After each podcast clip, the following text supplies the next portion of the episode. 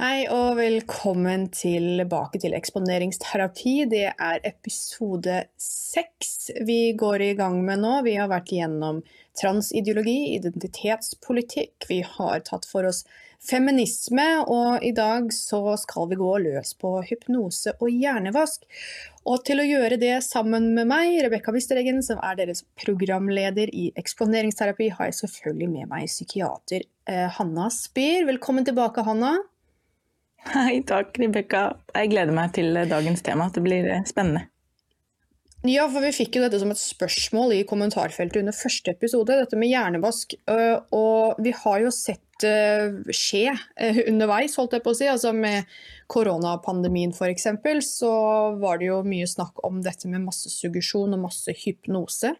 Og det gjelder jo egentlig flere felt i samfunnet. og vi, det, det virker som om denne om vi skal kalle det hjernevask, eller hva det er, den bidrar til ytterligere polarisering da, gjennom, eh, altså, i våre sosiale samfunn, hvordan vi fungerer sammen. Så vi tenkte da at eh, Eller jeg tenkte at jeg skulle grave litt i din hjerne for å finne ut om hypnose og hjernevask. Og vi hadde jo en liten samtale på forhånd her. fordi Først og fremst vedrørende da Det henger litt sammen med denne feminismen vi snakka om sist.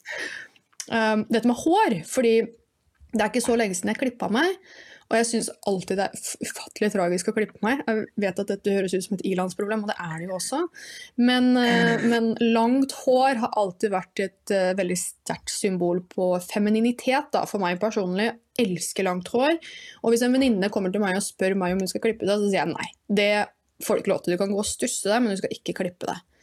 Uh, og, og, så kommer jo du på i dag, og da ser vi jo at du også har stusset av deg de, de lengste lengdene. Og du sa det var i solidaritet, så det setter jeg veldig stor pris på. Jeg mm. savner virkelig liksom, det lange, lange håret. og Hanna, i forbindelse med det så så er det jo sånn at det er veldig mange kvinner som klipper av seg håret når de når en viss alder. Det kalles da for konehår i, i, i mm. eh, hva skal vi si, Kristian Valen-tradisjonen. Han gjorde jo en sketsj på dette som heter Nullpunkt, som har en slags parodi på Brennpunkt, om hvor, hvor, hvorfor klipper damer i 40-årene av seg alt håret. Eh, og Hanna, er dette en slags form for hjernevask? Eh, ja, altså jeg tenker på kort hår, for det er så utrolig mange unge damer også som har veldig kort hår. Jeg tenker da umiddelbart på at du, at du tilhører en, eh, den feminismeideologien. For det, det, virker som det er litt obligatorisk å ha sånn kort, rosa, blått hår. Ikke sant? Eller ja, vi har kone Han snakker om sånn konesveis. Eh, han Kristian Valen. Um, jeg tror det er bare det har, har det Jeg leste et studie om det her med kvinner som klipper håret. Og kvinner som er mer attraktive enn andre kvinner, har uh, uh, mindre uh, det, det, er mindre sjanse for at de anbefaler deg å klippe håret. Men hvis en, en, kvinne som føler seg truet av din skjønnhet, vil egentlig alltid anbefale deg å klippe håret, og de har klart å måle det i inches. Altså, hvor de kan koble da det, hvor mye hun føler seg truet, med hvor mye hun anbefaler deg å klippe håret. Så tenk på det neste gang. Hvem er det som sier til deg du skal klippe håret? Hvordan er det den frisøren ser ut som sier hm, jeg syns kanskje vi skal ta 10 cm istedenfor 5. Um, ja. Jeg fortalte deg det. Du Hanna, takk, takk, tusen takk for dette komplimentet. For nå komplementerte du meg, for jeg sier at jeg aldri sier at noen skal klippe håret, jeg vil at de skal beholde det. Så nå sa du egentlig at jeg var veldig attraktiv, og det syns jeg var ja, veldig hyggelig. Du har integritet og, eh, confidence eh, nok til å på en måte ønske at andre skal se ut som sitt beste. Da. Det samme med sånn eh, pannelugg. Pannelugg? Har du ikke sett ja, den nye okay. berlinerhårsveisen med sånn rett over, sånn kort hår? Det mener jeg jeg tror ikke egentlig jeg har sett en eneste kvinne hvor jeg tenker at å, hun ville ikke sett bedre ut med langt hår. Jeg vet ikke med deg? Nei, Nå kanskje fremmer vi veldig mange seere, jeg, be, jeg, jeg, beklager det, men uh, hår vokser, så der er det håp. Ja, nei, jeg bare har aldri skjønt dette med å klippe av seg håret. Og, og jeg syns det var interessant det du nevnte, at uh, det er ofte feminister, eller lite folk i den feminismebevegelsen, som klipper seg kort. Og det er jo ganske Det er jo egentlig litt interessant, da. At en bevegelse for kvinner og femininitet så, såkalt skal være det. Uh, gjør seg antifeminine. Eh, og det er jo et litt sånn oxymoron i seg selv. Eh, og da kan vi jo egentlig ta fatt på det, dette med hjernevaskhanna. Fordi hva er hjernevask? Hva er det egentlig? Hva betyr hjernevask? Ja, det har jeg altså spurt meg om da, siden vi skulle gjøre denne episoden, hvor det sto det, det, det spørsmålet, da. Hjernevasken, hva er det? Hva er det? Brainwashing, hva er det? Eh, det må jo være Eh, ekstern innflytelse på, på, hjernen vår, at noe tar kontroll. Og Da tenkte jeg at vi kunne begynne med dette med hypnose, hva det er. Um, og hvorfor det har fått så dårlig rykte, og så gå litt nedover uh, de forskjellige typer innflytelse på hjernen. Jeg vet ikke hva du syns om det, hadde det vært en god idé? Ja, jeg er helt med på den. Jeg tenker da også på noe sånn helt hverdagslig, eh, Hanna. For jeg nevnte jo dette også for deg før, før vi satte i gang i dag. Men dette her med influensere på sosiale medier. Fordi eh, Vi kan jo snakke om hjernevask i psykologien, vi kan snakke om um, hypnose i psykologien, og det å faktisk aktivt bli hypnotisert. Eh, eller hvordan man bruker propaganda for overbevisning, eller innflytelse for å overbevise andre om å gjøre eller tenke visse mm. ting. ikke sant? Ja. Eh, og jeg kjenner jo på dette på daglig basis, for jeg er jo selvfølgelig på sosiale medier. Jeg er på Instagram. Eh, jeg har jo noen såkalte influensere. Jeg har én spesielt, det er faktisk egentlig bare én. Men jeg har én influenser jeg er veldig glad i, Madison Sarah fra, fra Storbritannia. og hun er altså en så vakker vakker og blid og positiv og, og, fin dame med mange fine verdier. Jeg liksom hvis jeg har en dårlig dag, så kan jeg se på henne på YouTube, og så blir jeg liksom i bedre humør, om du skjønner. Men hun jobber jo da som modell og influenser og skaper merker og klær og veldig mye av dette her overfladiske greiene vi holder på med i denne verden. Uh, mm. Og hun er veldig veldig glad i Miu Miu. Og Miu Miu er jo uh, dattermerket til Prada, og det er svindyrt. Uh, og jeg har aldri likt Miu Miu. Så det skjer noe interessant da, når jeg følger med på Madison Sarah, fordi jeg får plutselig en trang til å, å, å gå inn på miumiu.com og handle. Og der har det jo da skjedd mhm. noe fra jeg har sett på Madison Sarah, til jeg da plutselig finner meg sjøl på mye mye sin side. Jeg kjøper aldri noe, for jeg syns ikke det merket er noe fint. Jeg syns ikke de har noen fine ting. Sorry. Eh, sånn er det mhm. bare. Men, eh, men allikevel så, klar, så klarer da altså dette mennesket å få meg inn på den hjemmesiden, Hanna. Hvordan mhm. skjer dette her? Det er veldig interessant. Det var et veldig godt eksempel, syns jeg. Det kan vi ta utgangspunkt i. Um, det er ikke alle som kan bli hypnotisert, det er forskjell på folk. Um, altså, hypnose er, sånn, er et, et, en tilstand der du, um, der du er hyperfokusert, samtidig som at du er veldig avslappet. og det, det, har med at uh, hvis vi går litt inn i nervesystemet, at det autonomiske nervesystemet vårt det er et sånt spill mellom det parasympatetiske og det sympatiske nervesystemet vårt. Eh, rest and digest og fight or flight. At vi, um, vi, er, vi kan gå fra å være veldig våkne til avslappet. Og vi har, vi får, vi har optimal utøvelse når vi har en eh, kombinasjon når vi først er veldig fokuserte, og så har vi en påfølgende eh, hvileperiode. Det er da vi lærer best, det er da vi, er da vi har best, eh, best, ut, best performance.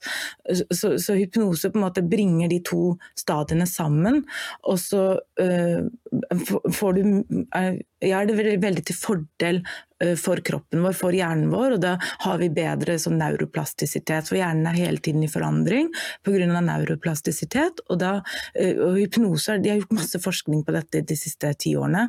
Det er veldig til fordel for den neuroplastisiteten. Men, Men det... um, det er ikke alle som klarer å bli uh, Som kommer seg inn i det stadiet. Det er, derfor, det er derfor jeg fort forklarte det.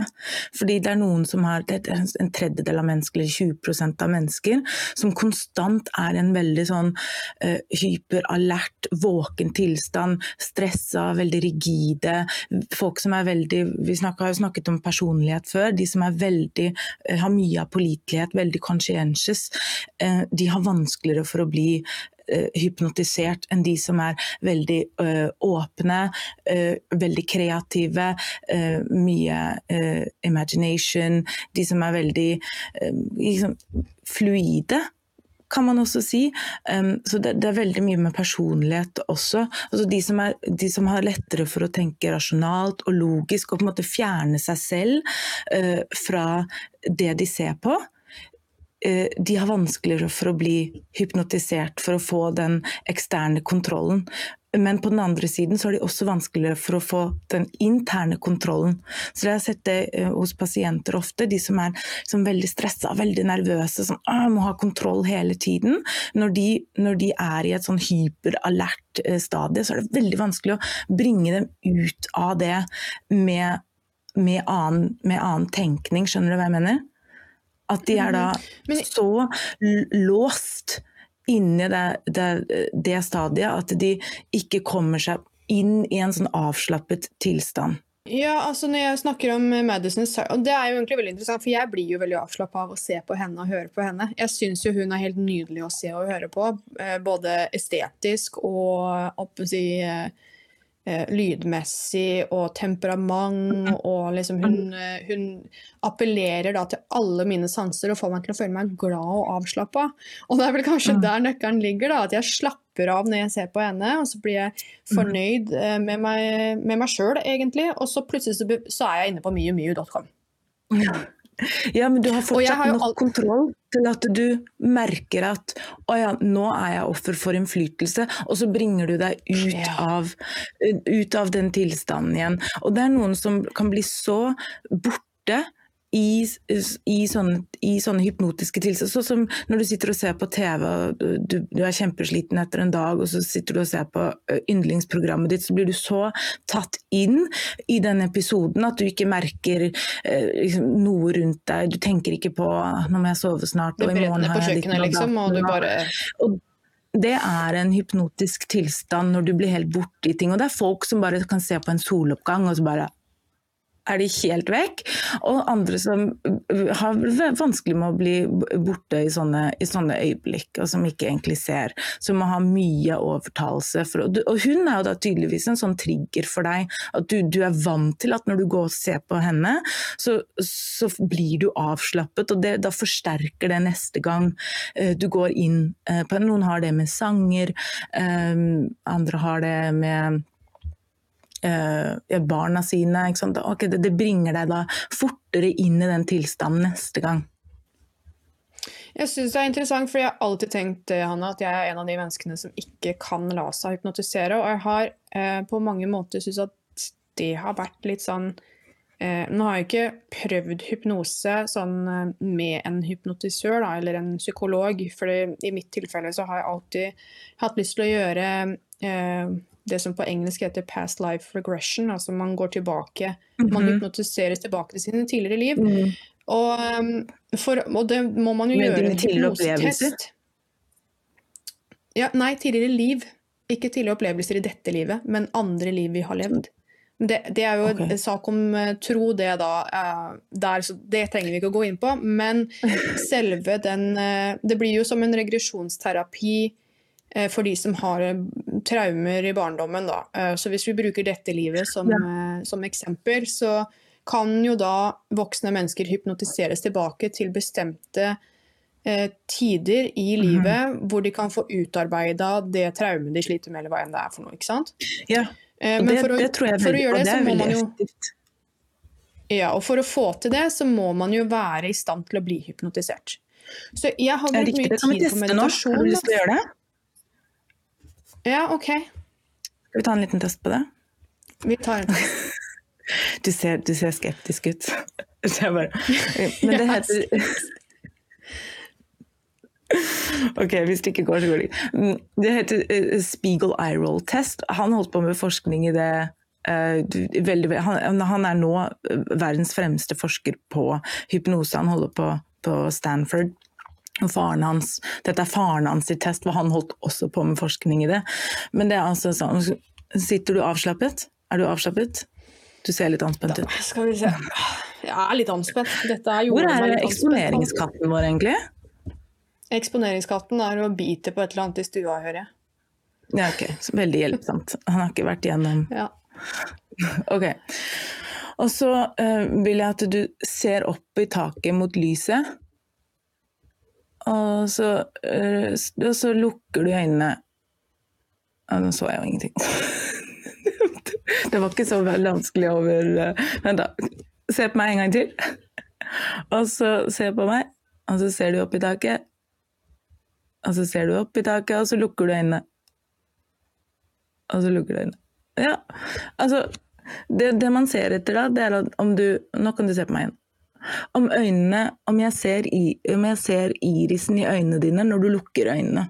For de som er helt umulig å hypnotisere, de klarer ikke slappe av nok til at de kan se bakover uten at øynene ruller forover igjen. Så, så derfor det heter det Spiegel eye roll test. For at du ser opp altså mot lyset, og da kan du også se um, eh, om øynene har om pupillene har respons. Og så når du lukker øynene, så får du en sånn um, um, Hva heter det på norsk? En sånn vibrasjon. Altså du kan se at det, uh, at det, det flikker. Og så går øynene opp. Hvis du bare ser hvitt, fordi at øynene ruller bakover når du lukker dem, så er du veldig eh, hypnotiserbar. For da lar du det skje med deg. Sånn? Og så lar du den, det stadiet komme. Men de som er helt, liksom, helt låst i den, i den eh, sympatetiske eh, nervesystemet, de bare Dette la jeg ikke skje Jeg prøvde å være flink, jeg da, men jeg vet ikke hvor godt jeg Ja, gjorde det- det her. Er jeg hypnotisert? Men du er jo tydeligvis litt hypnotiserbar, fordi at det skjer jo når du går inn på hundeinfluenseren. Men samtidig Ja, så er jo, du men altså, jeg merker jo at det skjer, da. Jeg, ja, nettopp. Jeg, jeg kjenner når det skjer, og dette gjelder egentlig en hel rekke ting. som Jeg sier. Altså, jeg har jo aktivt valgt å ikke ha TikTok, f.eks. Uh, og det har jeg ikke primært fordi at det er en kinesisk app. Uh, og så er det jo uh, dette med innflytelse, og det er dårlig innflytelse på TikTok.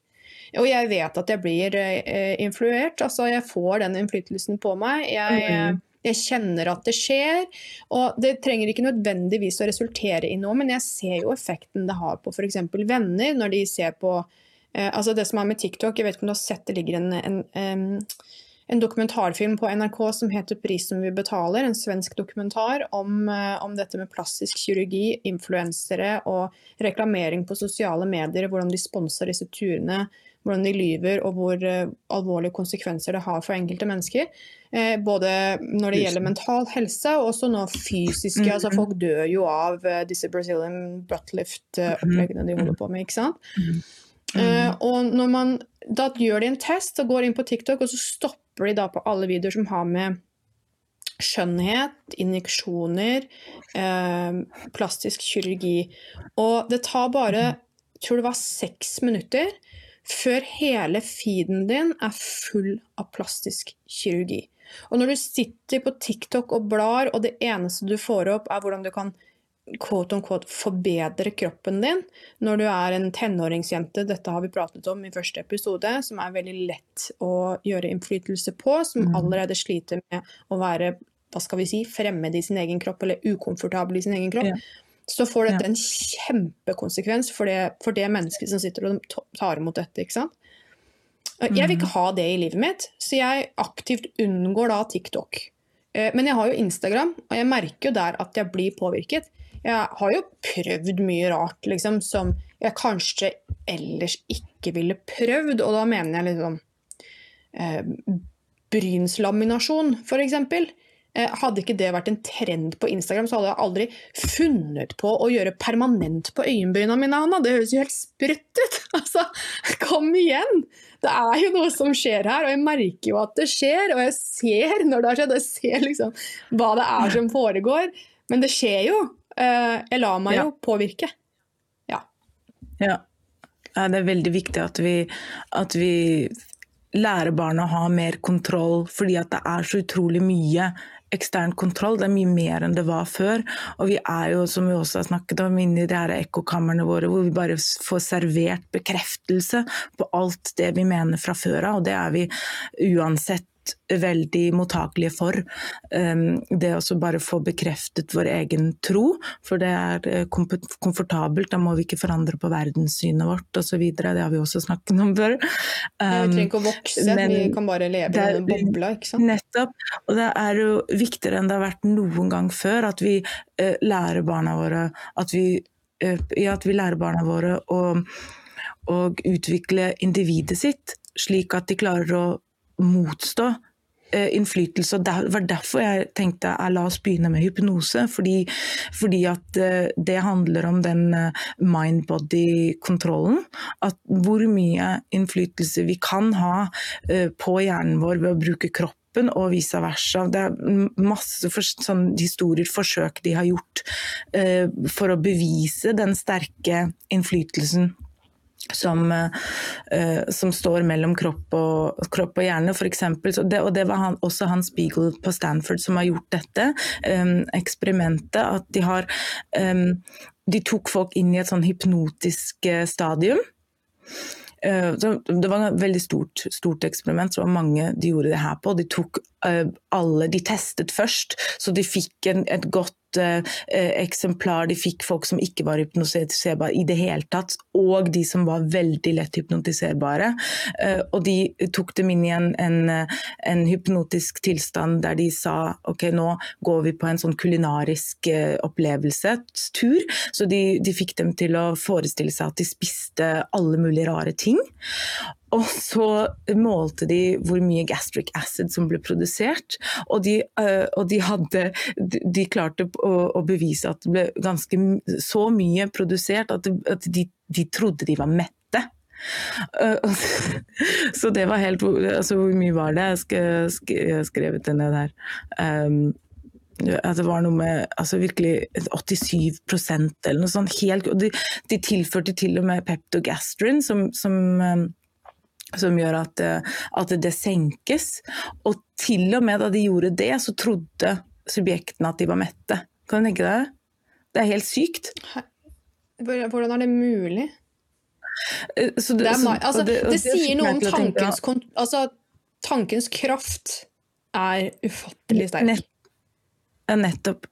Um, um, og, og, så, og så de gjorde også annet, et annet eksperiment med eh, at de samlet eh, en rekke folk som hadde forskjellige sånne atletiske um, sånn ballerinaer og andre sportsfolk. og vanlige mennesker sånn som oss.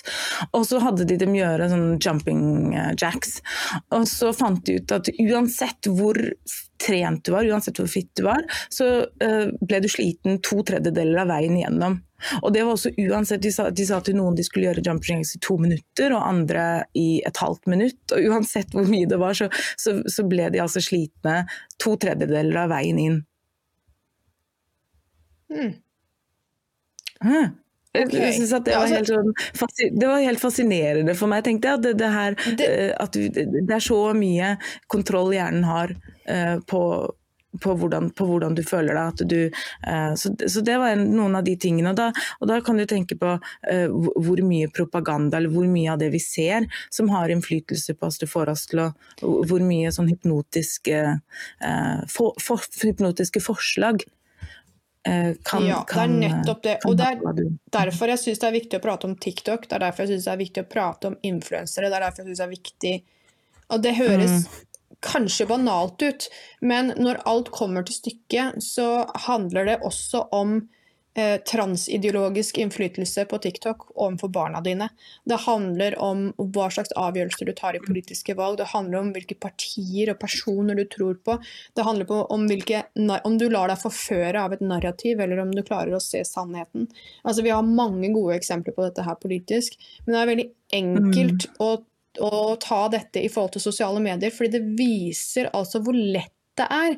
Og uh, Hanne, apropos det, altså det er veldig mange ting jeg tenker når jeg hører snakke om denne studien. fordi Det første jeg tenker på, er jo selvfølgelig psykadelika, altså LSD, sopp, den type ting. Det er jo flere som bruker dette i um, behandling andre steder i verden for å skru om hjernen istedenfor å bruke hypnose. Jeg vet ikke hva som er mest effektivt, det kan vi kanskje snakke om uh, på senere, en senere tid. Men, men altså, er det er det mulig å, å gjøre massehypnose? Altså, vi ser det jo i sosiale medier. Vi ser jo f.eks. Mm. hvordan skjønnhetsidealer, for å det, dra det helt opp til overflaten, noe vi alle mennesker møter hver eneste dag. Massehypnose mulig? Jeg vil si ja, fordi at vi har trender, vi har idealer som veldig mange prøver å leve opp til. Eh, på, mm. i et eller annet lag i livet vårt som vi blir bombardert med på daglig basis. Eh, men mm. hvordan fungerer dette dersom La oss si um, Ja, hva skal vi bruke som eksempel, da? Um, la oss si vi skulle fått en politiker som ingen liker til å bli statsminister i Norge ved neste valg. Går det an å massehypnotisere massen? Du kan ikke hypnotisere folk som ikke vil bli hypnotisert, og det, det er problemet. Ja, det er folk som tror at massehypnose er, er mulig, men de sier også, de fremste, fremste forskerne på dette sier at det ikke er mulig å tvinge noen inn i en hypnose. Så jeg tror det har med andre ting å gjøre. At vi ønsker å bli likt, vi ønsker å tilhøre eh, en gruppe. Um, vi, ønsker å bli, vi ønsker å bli forført, og vi ønsker en enkel løsning på komplekse problemer. Jeg tror det er når vi jeg tror du kan få en upopulær politiker til å bli Men altså, politikere seg selv er jo folk med autoritet, kompetens, karisma. Eh, de, de, de, klarer ikke å komme seg dit de trenger å komme seg som politiker hvis de ikke har de tingene. Mm. Eller? Så det, det handler mer om manipulasjon ja, og det å bekrefte andres livsløgn. Da. For det er jo egentlig det de snakker om her, når vi ikke vil innrømme for, Ta klimakrisen f.eks. Du har en hel horde av folk der som har lagt all energien sin, alt de eier og har, uh, hele sin identitet inn i å redde klimaet i år 2310. Uh, eh, og det er ingen forskning som underbygger at vi er inne i en klimakrise. Faktisk ingen. Det er spådommer og heksekunst. Eh, men hvis du sier det da til en klimaaktivist, så får du jo helt sammenbrudd. For du river jo hele luftslottet de bor inni, fra hverandre. Har det noe med ja, saken å gjøre? Er det derfor man Ja, ja de, de, er jo ja. ideologisk besatt. De lever etter en sånn isme. Uh, og derfor så tror jeg det er som person. Hvis du sier at å, sånn er det ikke. For de har ideologer, de har tatt et sett med ideer, og så forklarer de hele verdensbildet uh, sitt gjennom den ideen. Uansett hva du kommer til dem med, så vil de kunne uh, ta ja, uh, miljøet eller feminisme som en eller annen forklaring på, på, dette problemet. Det er ikke et eneste problem i verden som ikke kan bli forklart gjennom det. Um, og det skjer jo når vi, når vi fjerner religion. Religion er en, en, en sterk beskyttende faktor mot uh, det å bli ideologisk besatt. Fordi at uh, når du er religiøs, så har du et ekstern, en ekstern sett med, med, med, moral og etikk som er um, viktigere, som, er, som, som, som fører deg um, som fører deg uh, til et godt liv, til et, til et til avgjørelser som denne ideologen ikke Nå ble jeg borte i forklaringen min her. Men uh, den Nei, altså, Du har en ekstern faktor som beskytter deg egentlig mot deg sjøl, det er det du sier? Riktig. Ja. Som, som, Ja. Jeg vil si det at Kanskje ikke i alle religioners tilfelle, men jeg, jeg, jeg, det var det jeg ville si, at disse jude, uh, altså jødedommen og kristendommen har i hvert fall um, en, en, en, sett standard som til og med hvis du er en ekstrem, en fundamentalist innen jødedommen eller kristendommen, så er det en, uh, en grense. Du vil på et eller annet tidspunkt treffe en grense som sier her ikke lenger. Disse tingene er lov, disse tingene er ikke lov. Du må, du, må, eh, du må, alltid innrømme at det er noe du ikke forstår, fordi du kan ikke forstå Gud. han, altså, Hans veier er uh, mysteriøse. Og en ideolog har ikke noen slike grenser. Derfor er de egentlig ganske, altså farligere enn fundamentalister innen jødedommen og kristendommen. Fordi uh, det er ikke noe de ikke har lov å gjøre for å ikke gå ideologien sin vei. De har ikke noe objekt, men, objektiv standard.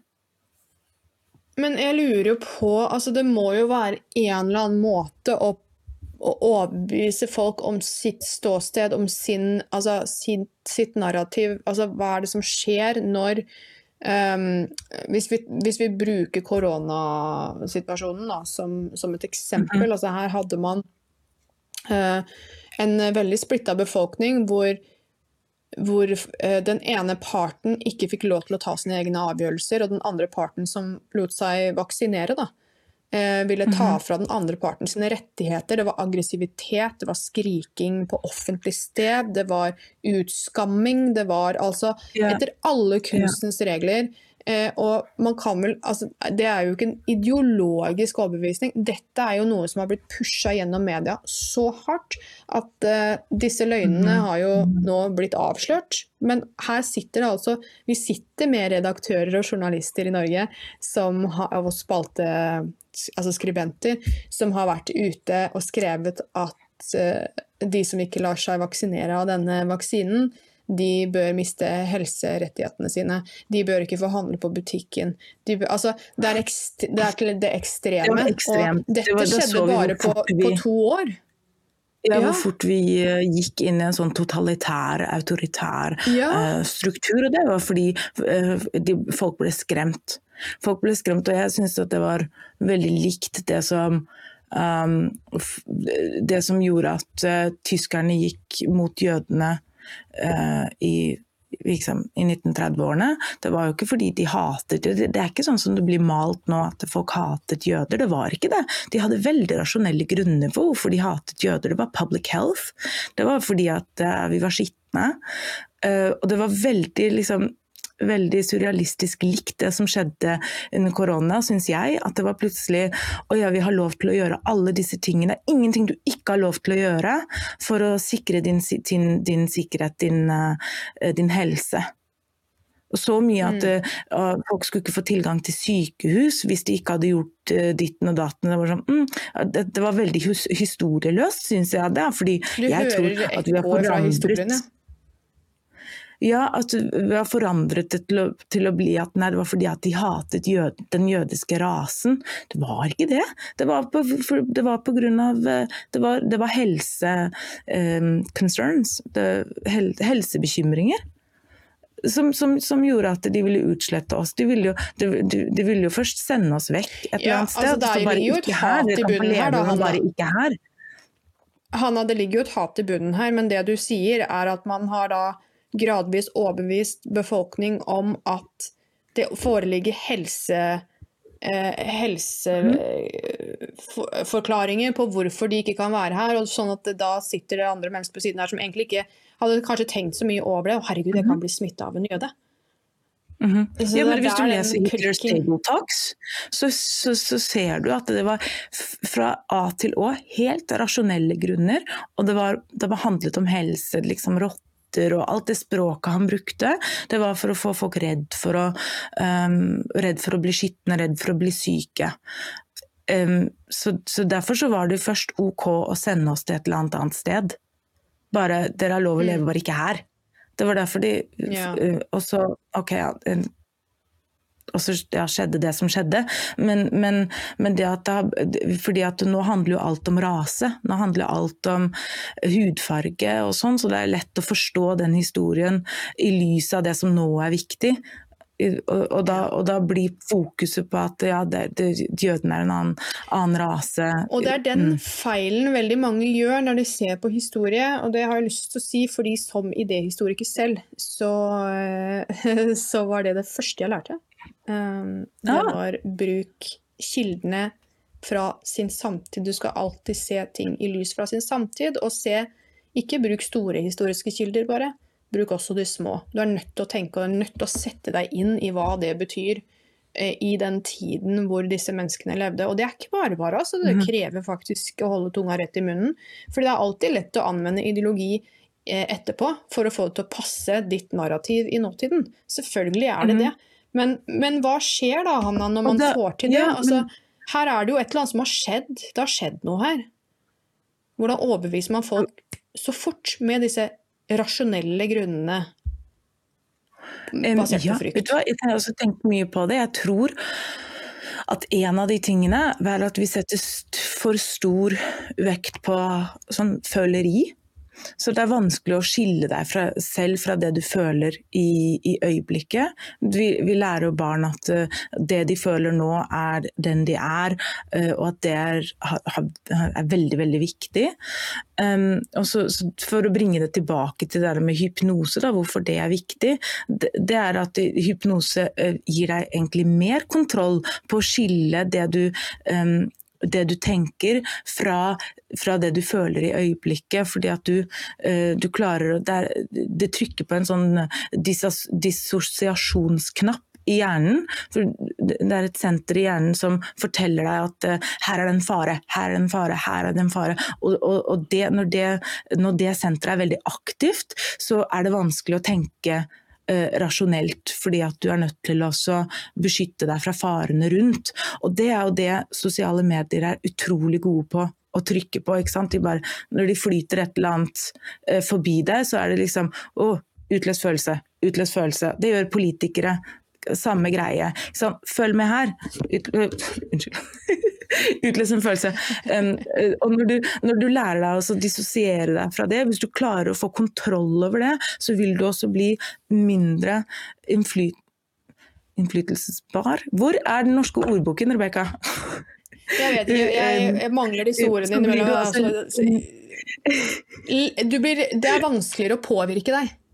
Riktig, det er vanskeligere, det er vanskeligere ja. å, å, påvirke deg. Derfor så er folk som deg, som er mindre nevrotiske Nå, nå er, kjenner jeg deg jo litt. Du, er, du er, uh, har mye pålitelighet, du gjør ting veldig ordentlig, du er organisert.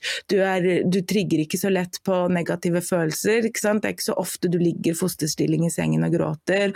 Um, så, så, og de tingene gjør, bringer deg inn i den kategorien av folk som ikke er så lette. For det er veldig veldig sterkt påvirket av hvilken personlighet du har. Og Det er også en av de tingene Hans uh, Spiegel har, har, har, forsket på. er At det å være hypnotiserbar, det er konstant over tid. Det er mer forutsigbart enn IQ, til og med. Du, hvis du ikke er hypnotiserbar når du er 20, så er du antageligvis ikke hypnotiserbar når du er 40. At det forandrer seg ikke over tid. Fordi at det er så sterkt knyttet til personlighet. Men jeg er manipulerbar.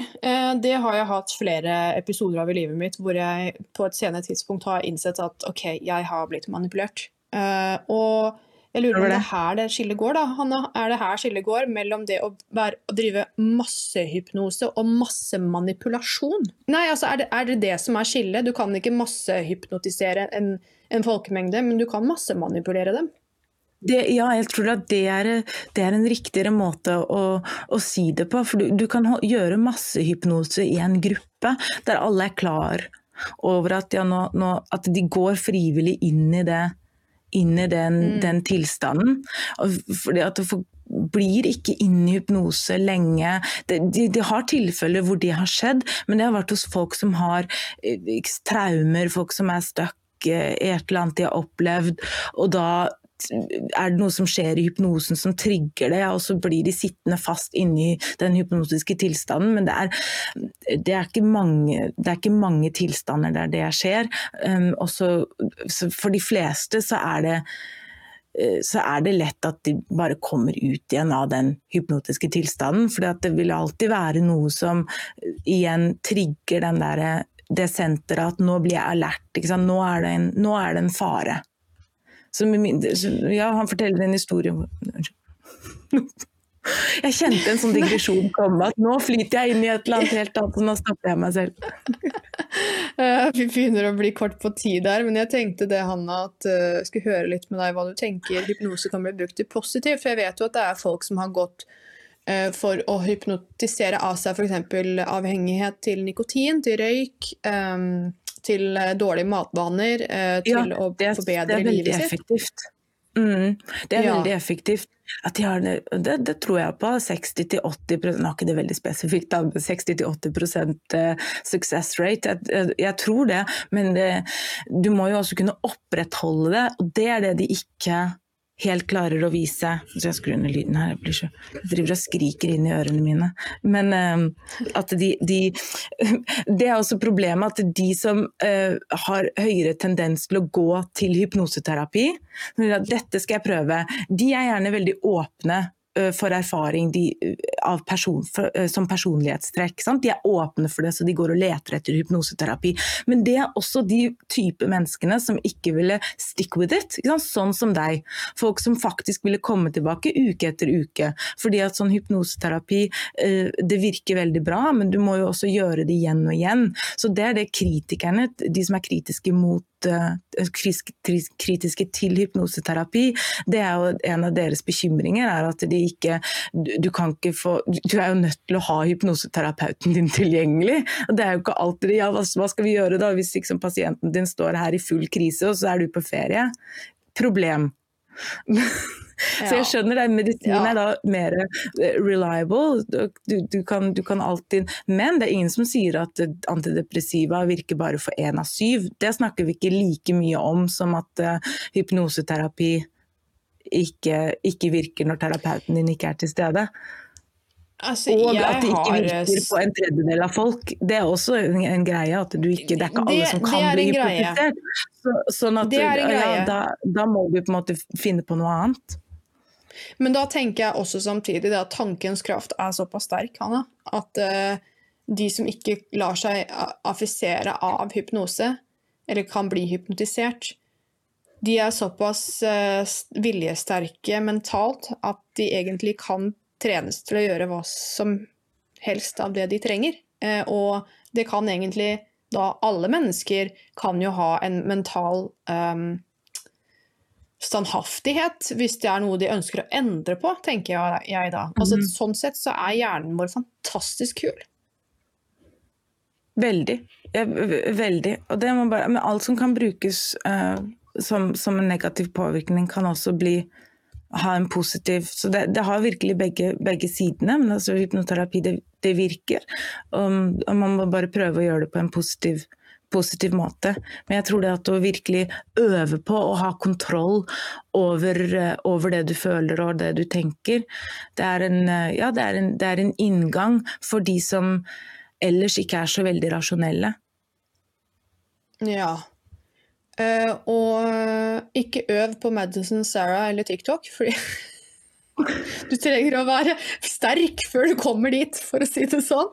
Uh, Hanne, jeg hadde avslutningsvis lyst til å nevne en eh, film, fordi eh, du snakket om eh, jøder på 30-tallet, og jeg har sett denne filmen før, men jeg så den da jeg fløy hjem fra Texas uh, nå i januar igjen, fordi den får meg alltid til å gråte. Den er så fantastisk. Den heter altså The Reader, eh, og det er eh, hva den heter, Kate Winslet som spiller hovedrollen i dette. Hun er analfabet og får da denne tyske gutten til å lese for seg, men hun ender da altså opp i å jobbe i konsentrasjonsleirene under eh, Hitlers tid. Og den Det er en fantastisk historie på en annen måte enn den eh, enn den han Arendt eh, så, så bra har gjengitt i forhold til eh, ondskapens banalitet, da, eh, med å følge denne rettssaken til, eh, til hva han heter, Adolf Eichmann. Um, Fordi The Reader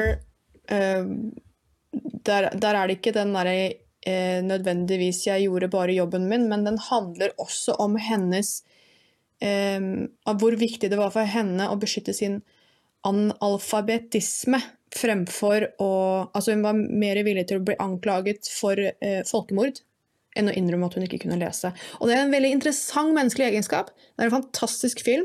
Anbefaler alle å se den. Bruk helgen på The Reader hvis du ikke har sett den. Vet ikke om du har sett den. Har du sett den, Hanna? Ja, jeg har sett, jeg har sett den. Men jeg, jeg, er ikke så fan av å se filmer om holocaust. Nei, jeg skjønner. Det kan jeg forstå. Jeg er bare jeg som har litt sære interesser. Uh, det, blir, det blir litt for, for intenst. Uh, uh, fryktelig, fryktelig intenst. Hører deg der. Jeg studerte jo andre verdenskrig bl.a. og antisemittisme og ondskap eh, lenge på universitetet, og jeg må bare si det at jeg var ganske passe mett etterpå. Jeg orka ikke å åpne en bok eller se en ja. film som handla om det. Så jeg ser mm. den, men uh, for dere som ikke har sett den Men siden du som, er mye mindre nevrotisk enn meg, så tror jeg at du har lettere for å ta på sånne ting. Ta på sånne filmer enn det jeg må passe meg, for jeg får ikke sove. Sånn. Så, ja, ok. Så, men jeg kan tenke meg at du, du, har litt lettere for å skille deg selv fra, fra det som skjer på, på, på skjermen. De er veldig hypnotiserbare. ok, det er godt å vite, Hanna. Da har vi, da har vi Kanskje vi egentlig skulle gjort en litt sånn utflukt? da, og Dratt og latt oss eh, bli hypnotisert av noen og se hvem av oss som blir kylling først. Altså, Hvor gøy hadde ikke det vært? Det er det som er problemet, at det har fått så dårlig omdømme pga. de der scenehypnotikerne. Men det ingen vet, er at de driver masse screening for å finne den én av ti personer som, som, som, er sånn som meg, da, helt ekstremt uh, hypnotiserbare. Det er ofte jeg setter på en sang, og så sitter Eliana og så bare 'mamma, mamma'. Her sitter jeg, å, så hyggelig. Ok, da skal du få lov til å gjøre det resten av helgen, Hanna. Vi eh, avslutter her, men vi kommer tilbake med enda mer eh, hypnose, hjernevask, uh, i hvert fall tematikk, eller omkringliggende tematikk, i neste episode. Så ikke glem å gi oss en like, del sendingen, kommenter gjerne hvis du har noen spørsmål. Vi tar ting litt sånn ad hoc av og til, så det er ikke sikkert du får svar på spørsmålet ditt med en gang, men de vi følger med, og bruk kommentarfeltene på nettsiden vår, document.no. Ja. Så sier vi på gjensyn neste torsdag, vi da, Hanna. Ja. Ha det. Takk for i dag.